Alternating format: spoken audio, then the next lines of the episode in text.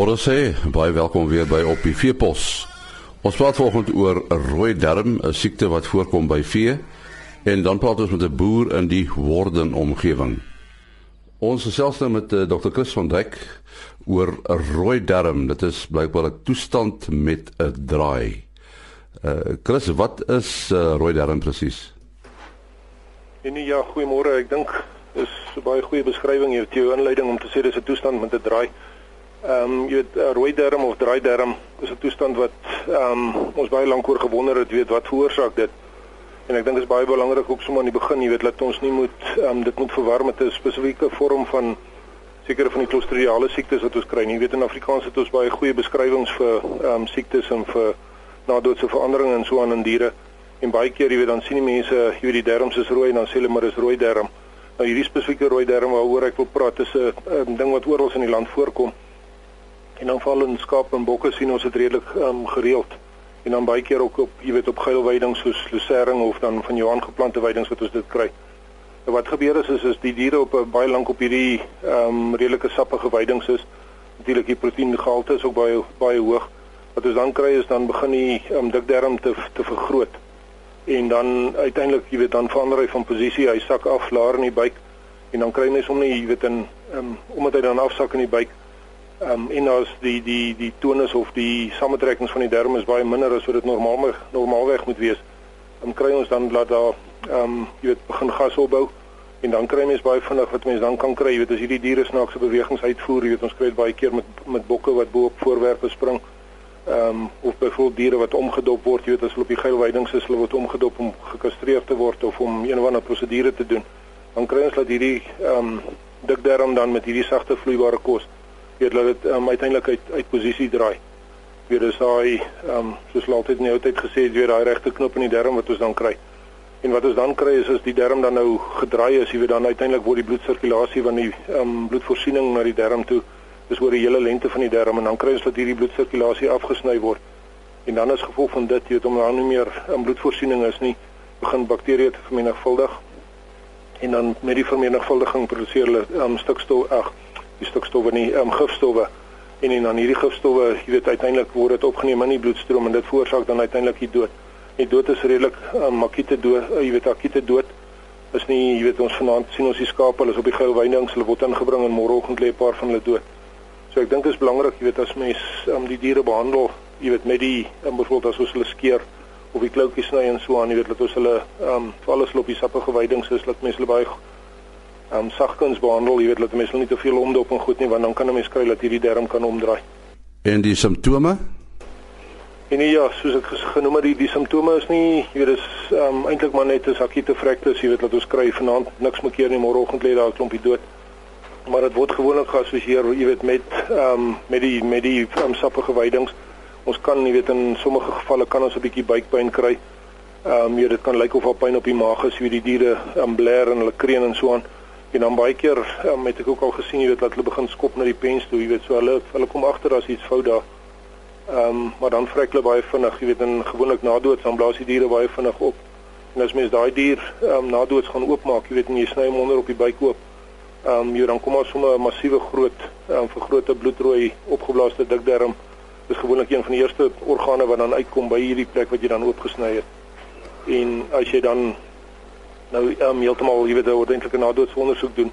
As jy sien dat gewoonlik jy weet as die um, darmkanaal dan uh, kloksgewys gedraai en hy's totaal afge, afgesny en 'n mens kan dan um, baie keer kan jy dan ook sien waar waar is die afsnyding gewees. En dan as jy darmkanaal um, oopmaak is dit gewoonlik weet 'n bloederige inhoud wat mens kry en daar's natuurlik baie gas ook baie um, binne in hierdie darmkanaal. Uh, en kan dit behandel word? En nie die behandeling is ongelukkig hier dis um, soos ek gesê dis 'n uh, akute of 'n perakute toestand. Ehm um, jy weet dan is so vinnig die verloop daarvan laat ons hulle gewoonlik om um, dood aantref weet voordat daar enige versnykende behandeling ehm um, toegepas kan word. En gewoonlik met 'n draai darm hier dis dit dan jy weet as jy hom baie vroeg gaan kry in die toestand kan jy sekerlik ingaan en jy weet 'n uh, ehm um, binne in die buik ingaan en die darm reg draai maar ek dink jy weet ehm um, die die koste van die operasie teenoor die koste van die skaap gaan dit ook nie toelaat om dit te doen nie. So ek dink uiteindelik is dit nie 'n praktiese uitweg jy weet om nou spasies geen behandeling vir dit nie. Is daar praktiese voorstelle om dit te voorkom? Nee ja, ek dink omdat ons um, soos ek nou gesê het omdat daar geen behandeling gedoen kan word nie, weet um, kan ons dit voorkom. Ek het nou genoem, jy weet in die begin met die sappige veiding, so ek dink 'n mens as as die diere op hierdie sappige veidings is, moet 'n mens definitief weet dat daar wel 'n moontlikheid kan wees.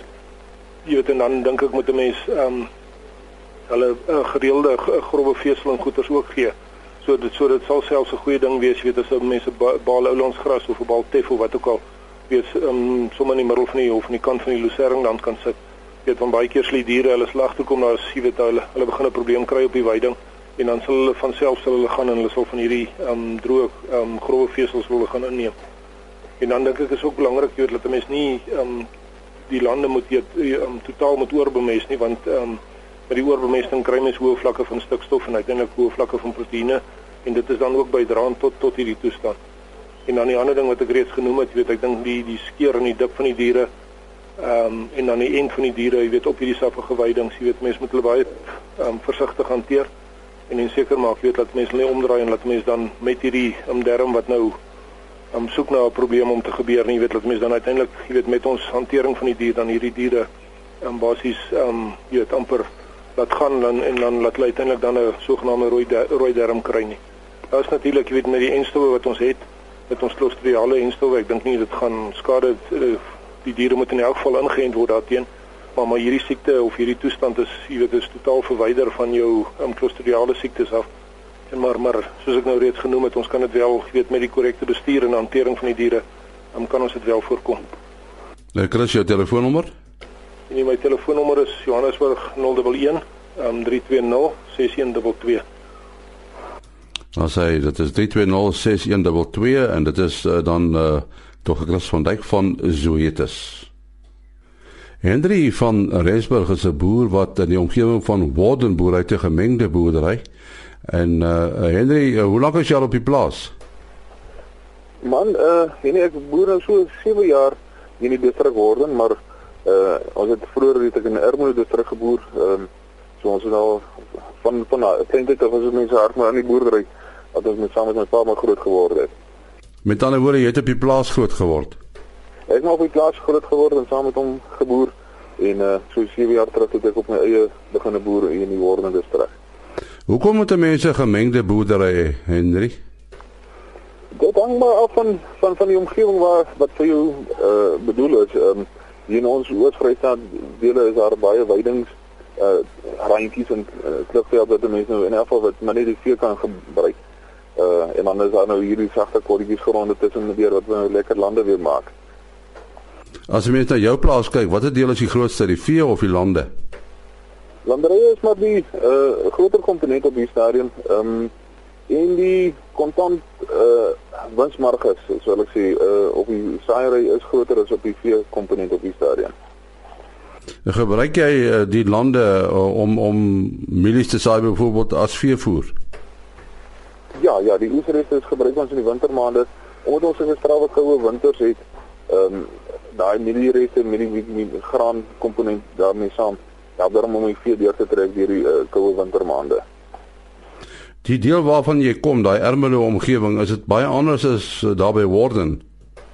Nee, nee, die hierdie oostelike hoofveld, daai kan Ermelo dalk bietjie meer mistige dae gehad. Uh maar die minimum temperatuur is ook min of meer dieselfde. Warden omgewing is 'n miskontingente is net bietjie minder, so mense het daar 'n bietjie meer ure so sonskyn op 'n dag.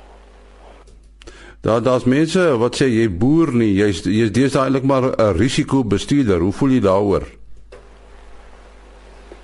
Ons almal se lewens is vol risiko's. Uh, ons almal bestuur risiko's. Boerdery is net tog 'n lekker lekker manier om van te lewe en daar is maar risiko's aan mee saam. Maar ek dink regtig die boerdery is nie net risiko bestuur nie. Wat dink jy is die grootste risiko?